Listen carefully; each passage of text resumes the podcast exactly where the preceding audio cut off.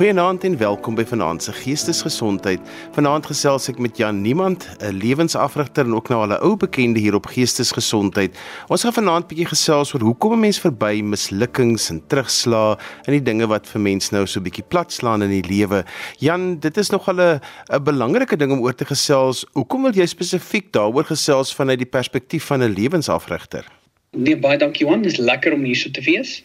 Wanneer ons begin met met 'n lewensafrigtingsproses met 'n persoon sal daar baie keer 'n meer meer as nie sal 'n persoon vir jou sê maar hoorie daar was 'n geleentheid, 'n situasie, 'n mislukking, 'n teleurstelling wat my uh, heeltemal van stryk getrek het. Met ander woorde, ons daar is gewoonlik 'n gebeurtenis wat mense kan sê maar omdat daai gebeur het, het dit hierdie effek op my lewe gehad en dis asof ek net nog nie lekker herstel het van hierdie gebeurtenis nie. Nou Johan die groot ding is as daar een so geleentheid is en die persoon kan spesifiek vir jou sê maar daar het die treintjie ontspoor. Uh, dan is dit eintlik 'n redelike eenvoudige pad wat ons stap met mense. Maar baie keer wat gebeur is mense het hierdie um hierdie compounded incidents in hulle lewe. Daar sal byvoorbeeld wees um hierdie verhouding het skeef getrek oor jare. Um en toe is daar 'n finansiële terugslag en toe is daar my familielid wat gesterf het gedurende COVID. So daar's hierdie hierdie kompakterende effek in mense se lewens. En elke insident op sy eie is dan 'n teleurstelling of 'n mislukking afhangende van van die perspektief van die persoon. Maar die kruks van die saak hier is wanneer mense sukkel om aan te beweeg. Beteken dit hierdie insident of wat ook al gebeur het, hou hulle gevange in die verlede. En dit kan 'n 'n fisiese gevangenis wees, soos ek is tans in 'n verhouding wat nie goed is vir my nie of ek werk tans by 'n werk wat my geestesgesondheid aantas of ek is tans woonagtig in 'n woongebied wat my uh wat wat nie vir my lekker is nie ek geniet dit nie daar nie dit breek my af of dit kan 'n sielkundige gevangenis wees waar ek moes anders opgetree het maar ek het nie.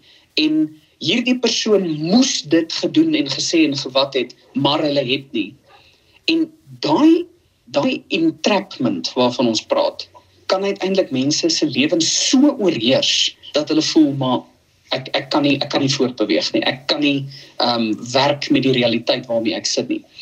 En dis deel van deel van die pakkie van lewensafrigting is om die vraag te vra is daar enige mislukkings of teleurstellings wat my amper half soos soos 'n ehm 'n 'n 'n doringbos vasgegryp het en ek raak net al hoe meer verstrengel in hierdie dinamiek, in die emosies, in die gedagtes, in die implikasies en ek kry nie lekker vorentoe beweeg nie.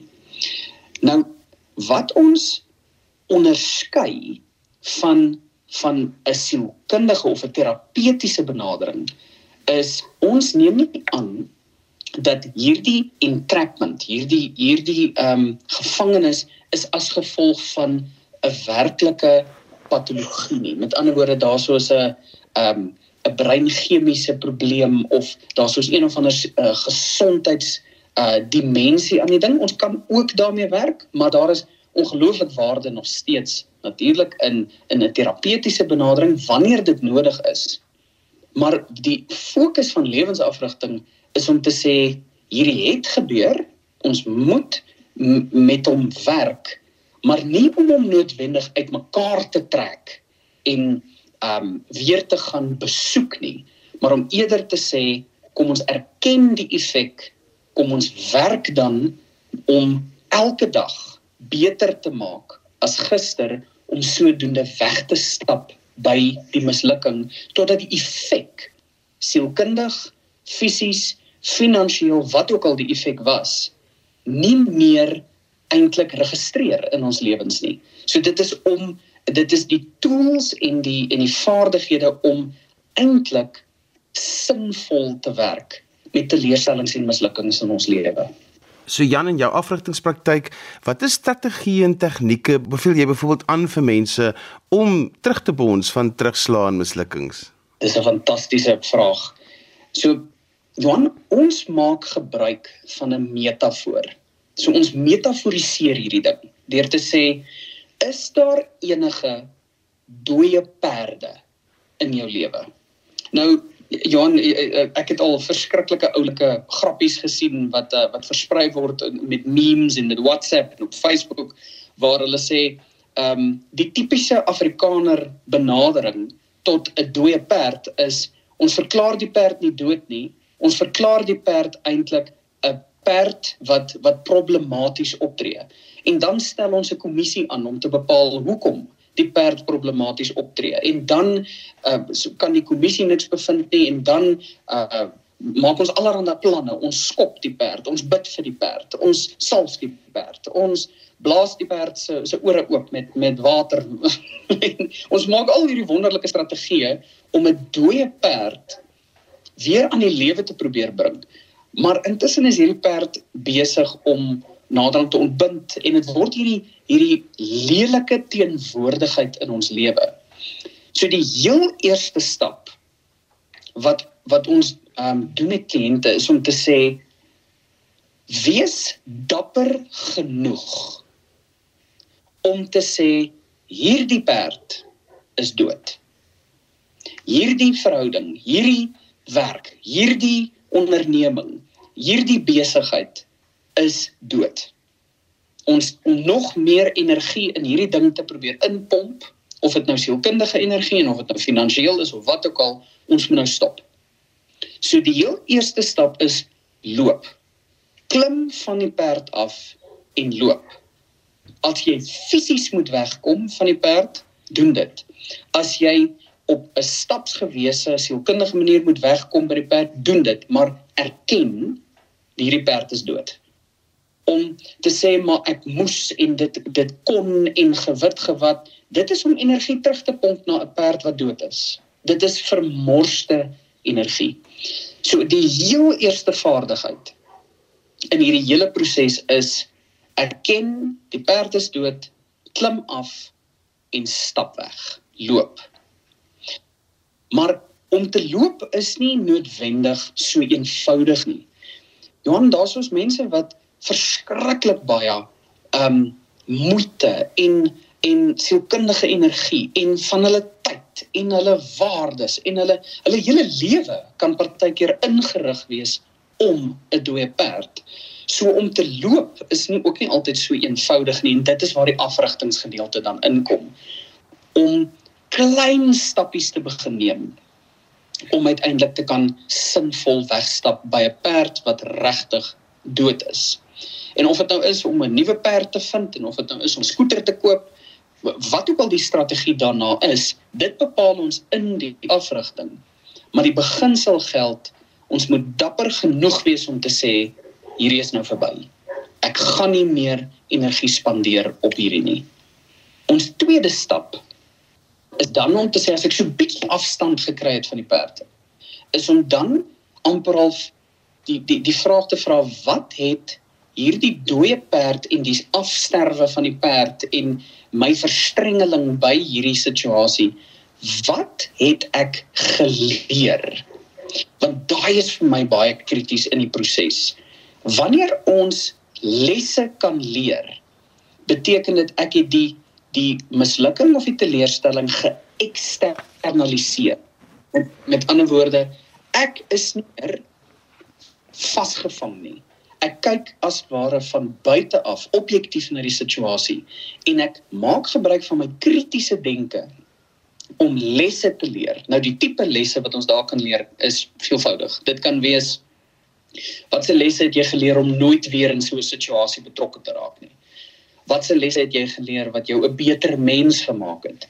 Watse lesse het jy geleer wat ander mense kan bevoordeel? So dit hang af van die weer eens van die van die persoon maar om te leer en om ek noem dit ons gaan myn die goud wat daar nog te myn is in in in hierdie situasie. Ons gaan myn dit. Ons inkorporeer dit in ons nuwe lewensstrategie, maar ons keer nie terug na die ou dooie perd nie. Die derde um, fase kan 'n mens maar sê is om te lag. Nou dit klink verskriklik vreemd om te sê maar as dit 'n tragedie is, waaroor waaroor is daar om te lag? Sien Johan, as ons op 'n punt kan kom in die herstelproses om weer die lewe te geniet die humor raak te sien in situasies. Selfs al is dit 'n bietjie galge humor partykeer, donker humor. Humor en om te lag is 'n ongelooflike kragtige manier om slegte gebeure af te skud. Dit sê vir ons daardie mislukking en teleurstelling is nie meer deel van ons identiteit as mens nie. Ons het ons lesse geleer en ek kan eintlik bietjie die absurde raak sien. Um in hierdie situasie of as jy nie oor die situasie kan lag nie, kan jy dan ten minste die lewe geniet en lag vir ander dinge om jou gesin te waardeer en te gen, om 'n 'n grappie te kan om om 'n uh, 'n nuwe stoppertjie te geniet om te kan saam met familie of gesinslede of vriende lag en 'n board game aand te speel. En dit klink na verskriklike eenvoudige dingetjies om te doen, maar dis die punt. Ons onderskat wat lag, humor en 'n sin van van van genot kan beteken om aan te beweeg van 'n van 'n teleurstelling. En dan Ons vierde stap stap is dalk die verkeerde woord, maar vierde fase is dan om uiteindelik te sê ek draai na die toekoms toe en ek sê kom ek bou nou die mees vervulde en vervullende lewe wat ek kan met die boublokkies wat ek nou het. So net om weer daai bietjie op te som is loop by die dooie perd, leer by die dooie perd lag vir die dooie perd en leef 'n nuwe lewe.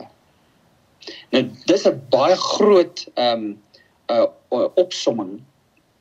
Maar ehm um, die in dit gee vir 'n aanduiding van die fases waardeur ons gaan in hierdie proses.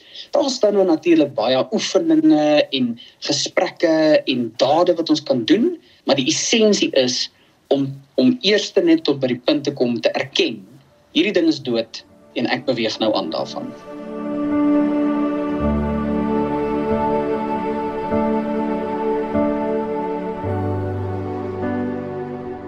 Jan, ek wil graag 'n praktiese voorbeeld gebruik. Vat jy vir ons deur die stappe? So ek gaan vir jou 'n scenarioetjie skets. Ek werk nou al 'n rukkie by die maatskappy. Ek is eintlik baie gelukkig. Ek word redelik beskou as 'n leier by die maatskappy, alhoewel ek nou nie die posisie het nie, maar mense kyk op na my en ek ek doen eintlik goed. Maar elke keer word ek nie bevorder nie en kry ek nie daai leiersposisie wat ek so graag wil hê nie. En dit het nou weer gebeur en ek voel net ek ek het geen toekoms hier nie. Hierdie mislukking van die laaste keer wat ek weer oor gesien is is nou net wat die mat onder my uitgedruk het. Hierdie mislukking was nou net te groot vir my want dit voel vir my absoluut of ek 'n mislukking eintlik by die werk is. Daar sê. Dis dis dis 'n fantastiese scenario. So Johan, my my my raad aan dan aan jou sal wees. En ek gaan nou ek gaan nou praat met jou asof jy nou hierdie persoon is. Hmm.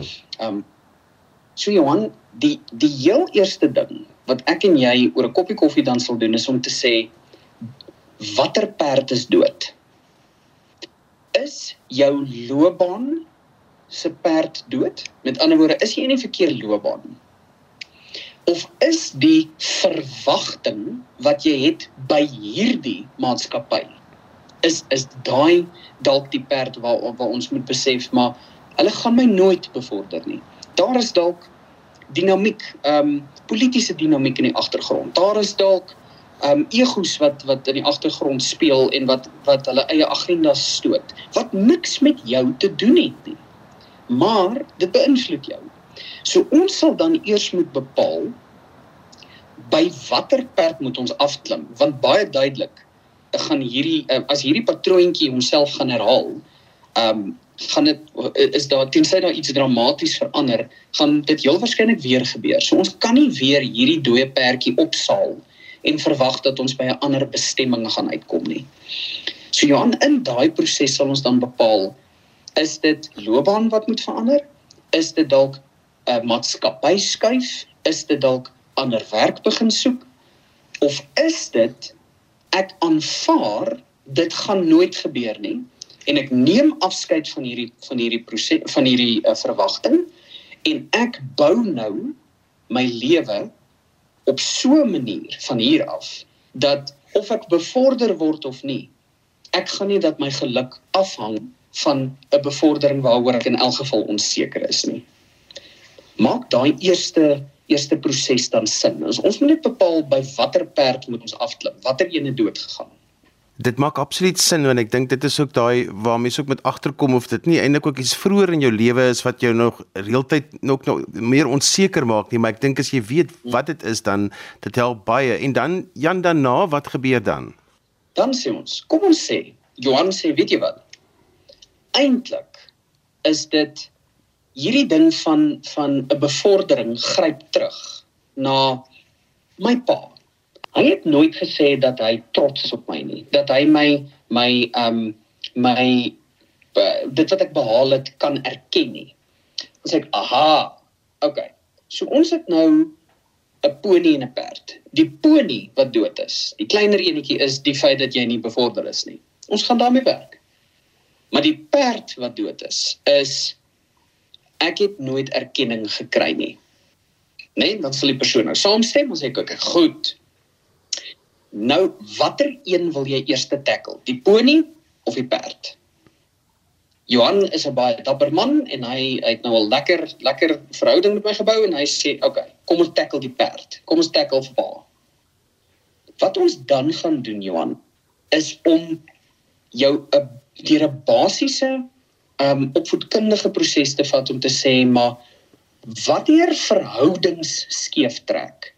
Hoe herstel ek van 'n kritiese verhouding soos 'n vadersfiguur wat bietjie skeef getrek het of wat 'n onvervulde verwagting gehad het.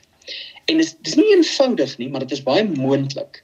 En ons begin dan deur te sê wat leer jy uit oor jouself, oor die wêreld, oor jou verhouding met ander mense, oor jou verhouding met prestasie deurdat hierdie perd gesterf het. Wat leer jy wat jou nou 'n beter mens maak?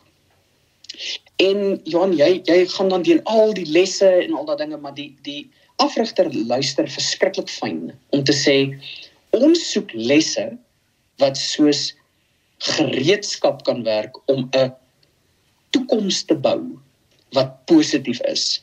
Soos kom ons sê in al hierdie gesprek sê jy maar weet jy wat dit wat ek geleer het is my pa was my pa en hy het sy dinge gehad. Ek het hom vergewe.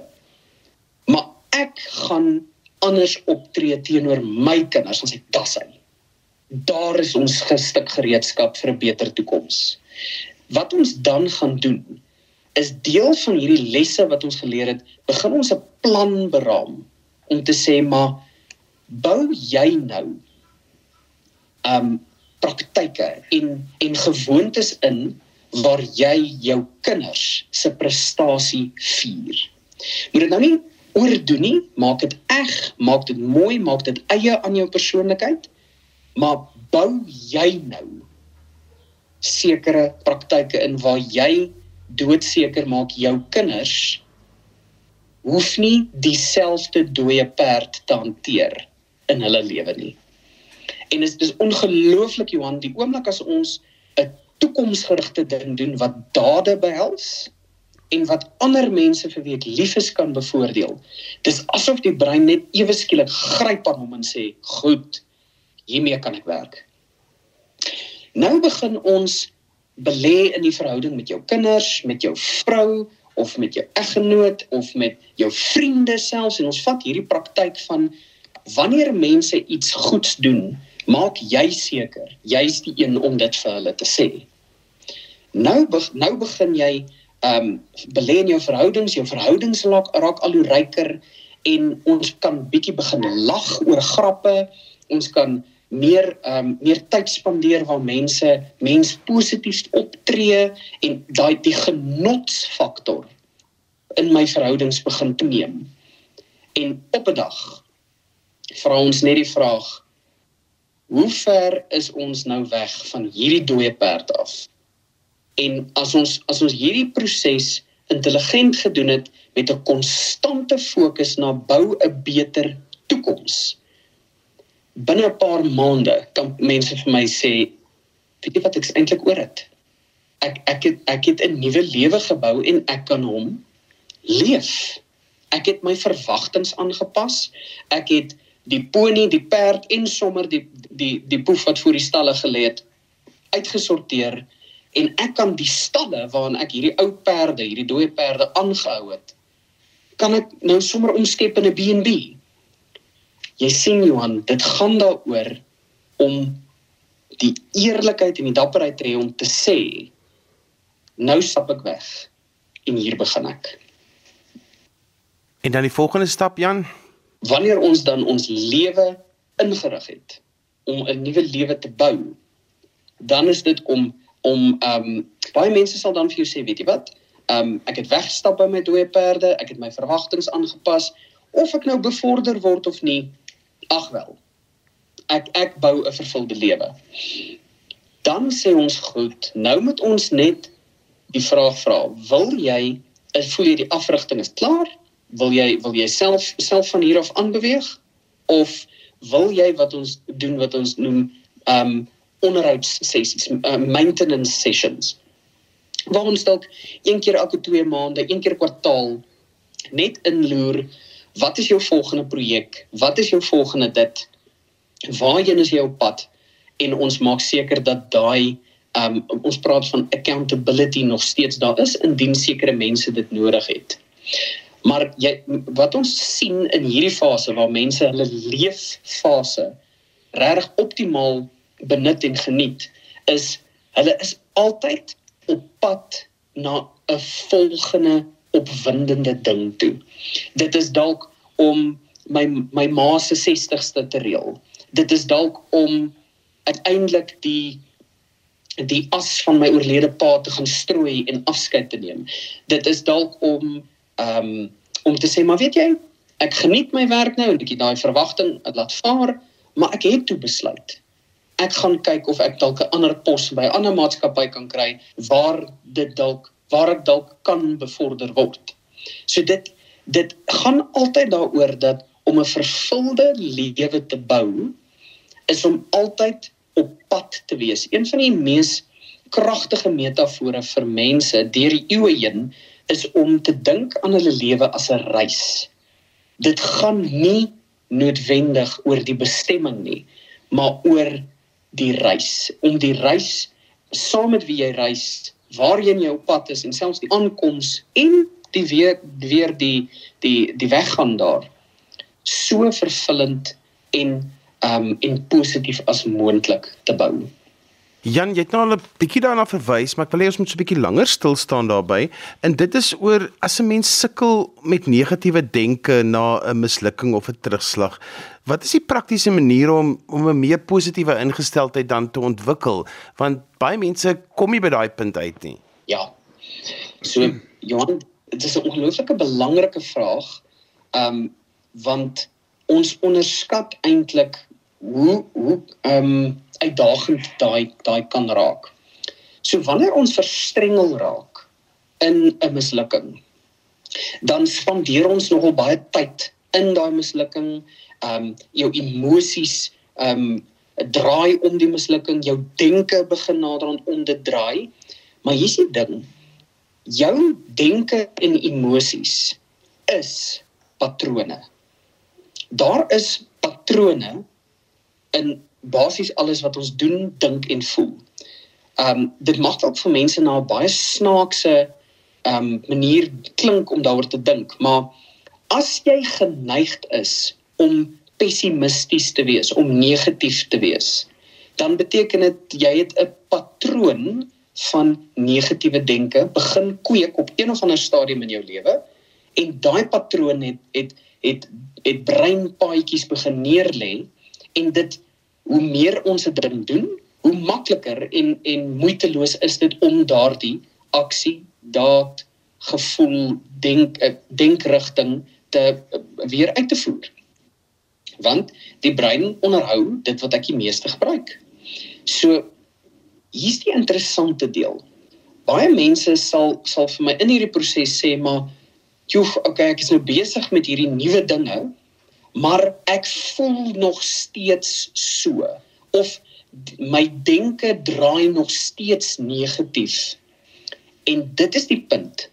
Dit gaan vir 'n rukkie lank nog die ou patrone toon. Dit wat jy daar beleef is eintlik doodnormaal. Hoekom? Want jy het vir 'n hele lang ruk hierdie patrone, hierdie denke, hierdie emosies ingeoefen dit is as dit ware um jou tuisdorp. Jy dit is bekend. Dit is ingeoefen en dit is baie keer 'n go-to respons vir dinge wat gebeur in my lewe. Nou dit sê nie dat mense noodwendig hou van daardie denke of gevoelens nie. Maar die punt is of jy nou daarvan hou of nie, dis ingeoefen. En dit is die kruks wat baie mense um eers hier in die middel van die proses begryp is soos wat ek ander dinge begin doen sluit my denke en my emosies naderhand daarbey aan. Ongelukkig Johan kan ek nie 'n towerstafie swaai en oornag verdamp negatiewe denke of verdamp 'n geneigtheid om hartseer te koester in jou hart of uh 'n geneigtheid om om um pessimisties te wees of wat ook al die patroon is nie. Dit is ongelukkig nie vir meeste gevalle hoe die brein funksioneer nie. As daai patroon ingeoefen is, moet ons nuwe patrone inoefen wat naderhand met tyd sterker raak as die ou patrone.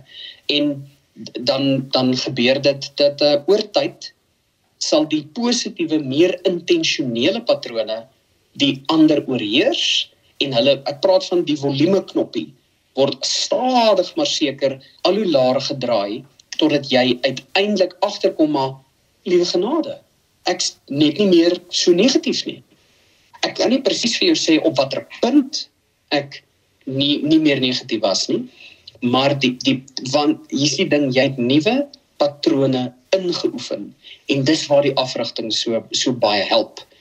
Ons is geneig om in hierdie proses bietjie vroeg op te gee op ons eie want ons kry nie genoeg of uh, kry nie vinnig genoeg resultate nie. En dit is waar dit baie keer help om vir 'n uh, as 'n persoon nou net bietjie realisties um rig deur te sê maar jy gaan vir 'n ruk lank nog so voel ons is nou juis besig om 'n nuwe realiteit te bou, maar dit vat tyd. Jan, ek wil graag praat oor veerkragtigheid want 'n mens moet veerkragtigheid noem in 'n program oor mislukking, maar veerkragtigheid is so 'n mooi woord, maar dit voel vir my dis iets wat almal anders het behalwe ek. so baie interessant Johan. Veerkragtigheid is 'n patroon wat wat ons bevoer in ons assesserings juis meet. Is ons meet hoe ingeoefen is jy om veerkragtig op te tree in die in die gesig van mislukkings. Dis dis 'n vreeslike interessante ehm um, 'n patroon waarmee 'n mens kan werk, maar daar is 'n paar uh pointers wat ek vir mense kan gee om te belê in hulle veerkragtigheid. Ehm um, ek het dit al van tevore baie keer gesê, dit help verskriklik baie as mens jou persoonlike uh, gedrags- of persoonlikheidsprofiel het, want el elkeen van ons het ander waardes en denke en mindsets en mental models en maps of the world en al hierdie vreeslike tegniese goeters. Maar elkeen van ons is eintlik uniek saamgestel en as ons jou sterkpunte kan ontdek en gebruik, is dit 'n onmiddellike hupstootjie vir jou veerkragtigheid. We face life better when we face it using our strengths. So dis dis die eerste tip is figure uit, probeer agterkom wat is jou sterkpunte en maak dit maak konstruktief daarvan gebruik wanneer jy uitdagings of mislukkings selfs teleurstellings moet moet hanteer in jou lewe. As weer eens baie mense sukkel daarmee of hulle besef dalk nie dat dit 'n sterkpunt is nie, dis waar afrigting daar is. Die tweede ene is 'n is dis 'n dis 'n 'n houding wat ons inneem teenoor 'n uitdaging. En dit is ek gaan okay wees. Weerens dit klink verskriklik eenvoudig en jy kan dit wees. Maar Johan, die probleem van mislukkings en teleurstellings is ons glo of ons begin glo op 'n stadium dat hierdie ding gaan my wen. Ek gaan nie okay wees nie. En dit is om partykeer daai frase die heeltyd te herhaal vir jouself om dit 'n patroon te maak deur te sê ek gaan oukei okay wees. Ons gaan oukei okay wees. Dinge gaan oukei okay wees. Dis om 'n houding in te neem om te sê hierdie uitspraak van mislukking is nie die finale een nie. Ons gaan nou begin werk na 'n positiewe volgende stap. So die eerste is vind uit wat jou sterkpunte is en gebruik hulle konstruktief. Neem 'n houding in van positivisme. En die derde is wees amper brutaal eerlik met jouself. As ek 'n dooie perd gras voer, is ek besig om my eie vordering te kortwiek. 'n Dooie perd is 'n ding wat ons vas vashou in daai situasie en vir so lank as wat ek daai ding kos gee, emosionele energie in hom instoot, wat ook al jy doen om dit te onderhou, sukkel mense verskriklik om aan te beweeg.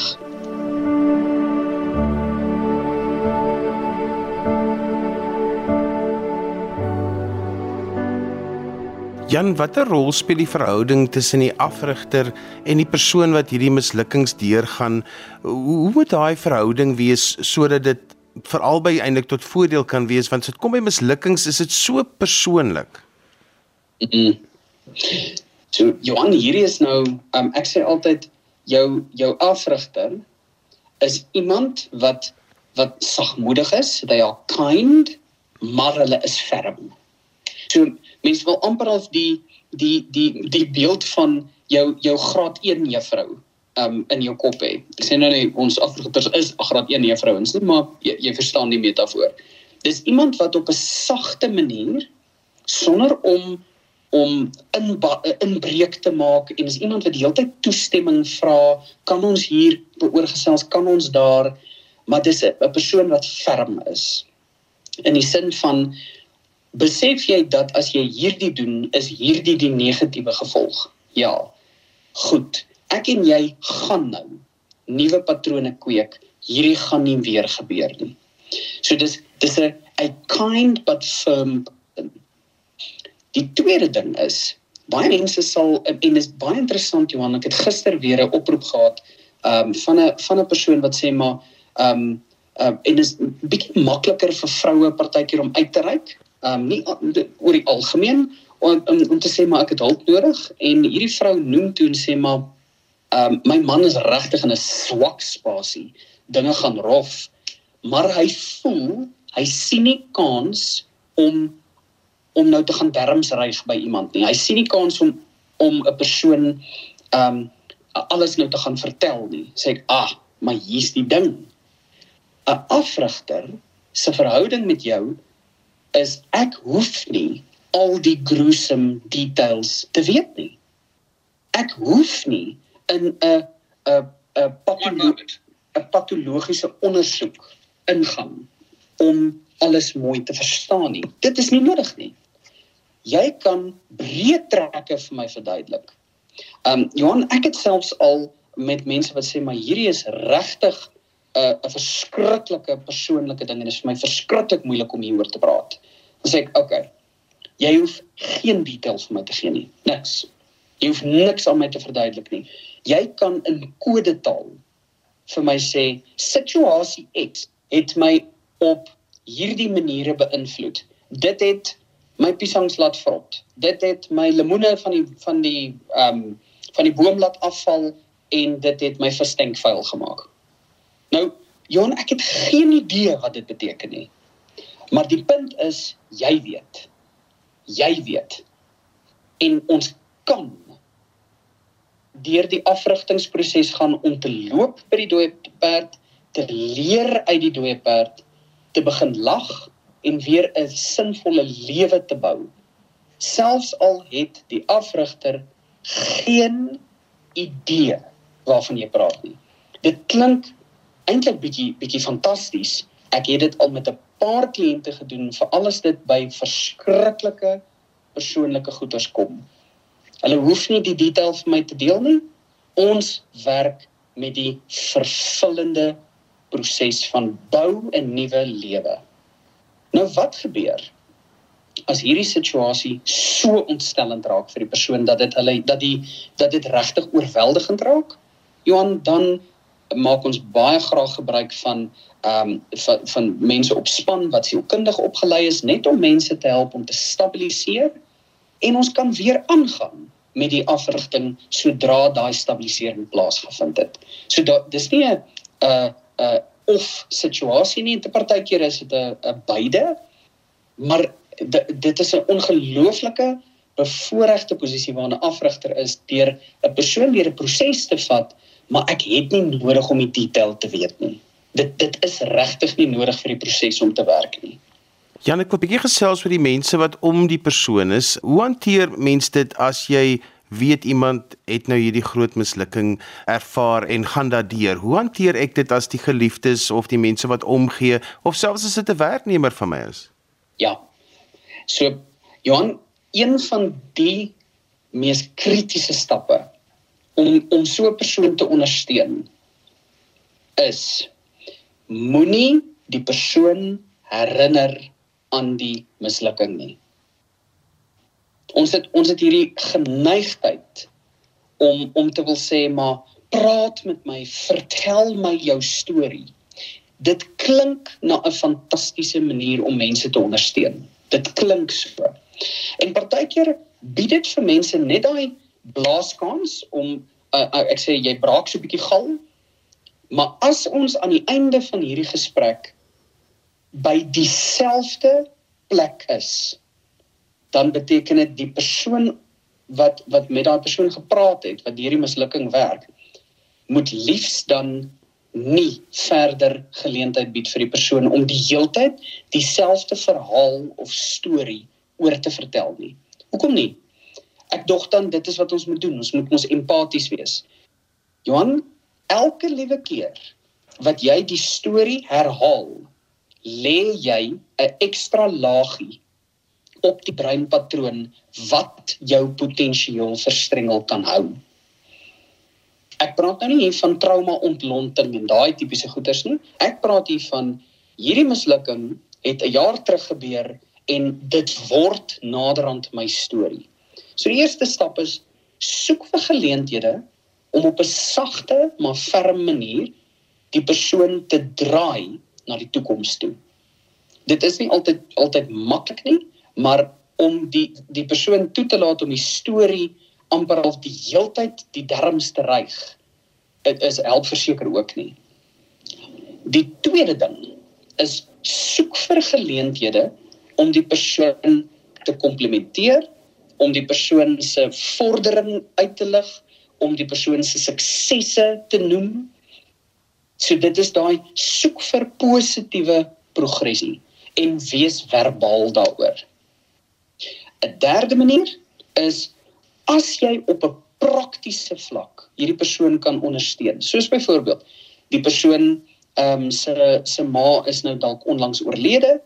'n Praktiese manier is om te sê, is dit dalk moontlik dat ek na jou kinders kan kyk vir vir 'n aand of twee dat jy net bietjie 'n blaaskans kan kry om deur die administrasie van die begrafnisreëlings te gaan. Ehm um, as dit is maar ehm um, hierso is 'n jy weet 'n persoon is deur 'n teleurstelling sê weet jy wat ek ek steek jou vir 'n lunch vertel my van die suksesse wat jy gehad het in jou ehm um, in jou loopbaan tot dusver. So dis dis soek vir daai praktiese maniere waar mens net bietjie spanning en bietjie druk kan afhaal dit beteken baie keer vir mense baie meer as om die probleem op te los. En die vierde tip is moenie die probleem vir die persoon probeer oplos nie. Hierdie is hulle mislukking. Dit is hulle dooie pad. wanneer ons van buite af staan en sê maar dit is eenvoudig, dit is mos maklik. Jy hoef net dit en dit en dit en dit te doen. Dit klink dalk na 'n fantastiese raad, maar daai persoon kom met 'n hele ander mindset, 'n hele ander stel sterkpunte wat nie joune is nie. En dit daai tikkie raad kan fantasties werk en dan is dit 'n eintlik maar so 'n bietjie van 'n gelukskoot.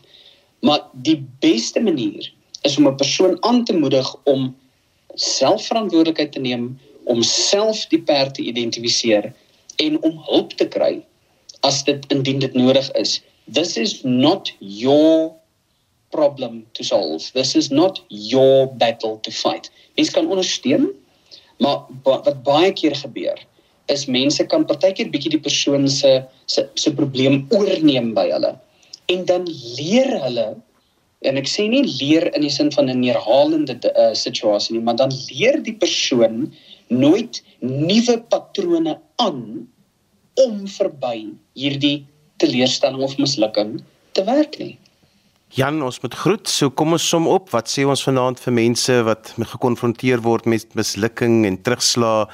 Wat is ons boodskap? Ons boodskap is stap 1: loop. Stap weg by die dooie perd. Wees bereid om te erken hierdie perd is dood. Wat is my volgende stap? Stap 2: leer. Watse kritiese lesse vir my toekoms wat my 'n beter mens gemaak het vir ander mense se welstand het ek geleer uit hierdie situasie uit begin weer lag oor die situasie of vir en saam met die lewe oor die algemeen en beweeg altyd stap 4 leef na 'n positiewe volgende stap toe moenie verstrengel raak in die verlede nie Jan, vir mense wat met jou wil kontak maak of verder wil gesels, hoe kan hulle dit doen? Johan, hulle kan ons gerus kontak op rescriptcoaching.com. Al die kontakbesonderhede is daarso. Hulle kan gerus op die webblad gaan kyk. En so gesels Jan Niemand en hy is 'n lewensafrigter en ons het vanaand gesels oor hoe hanteer ek die mislukkings in die lewe. En daarmee is gekom aan die einde van vanaand se geestesgesondheid. Onthou jy kan weer na vanaand se program luister as 'n potgooi en laai dit af by resgep.co.za. Skryf gerus vir my 'n e e-pos by Johanvanlil@gmail.com en onthou daai Johan het net een N. En daarmee groet ek dan vir vanaand. Kyk mooi na jouself. Tot volgende keer van my Johan van Lille. Totsiens. thank you